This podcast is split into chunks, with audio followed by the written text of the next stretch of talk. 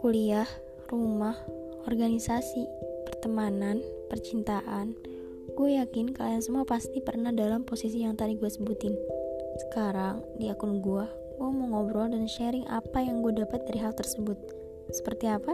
Nanti gue kasih tahu. Haha.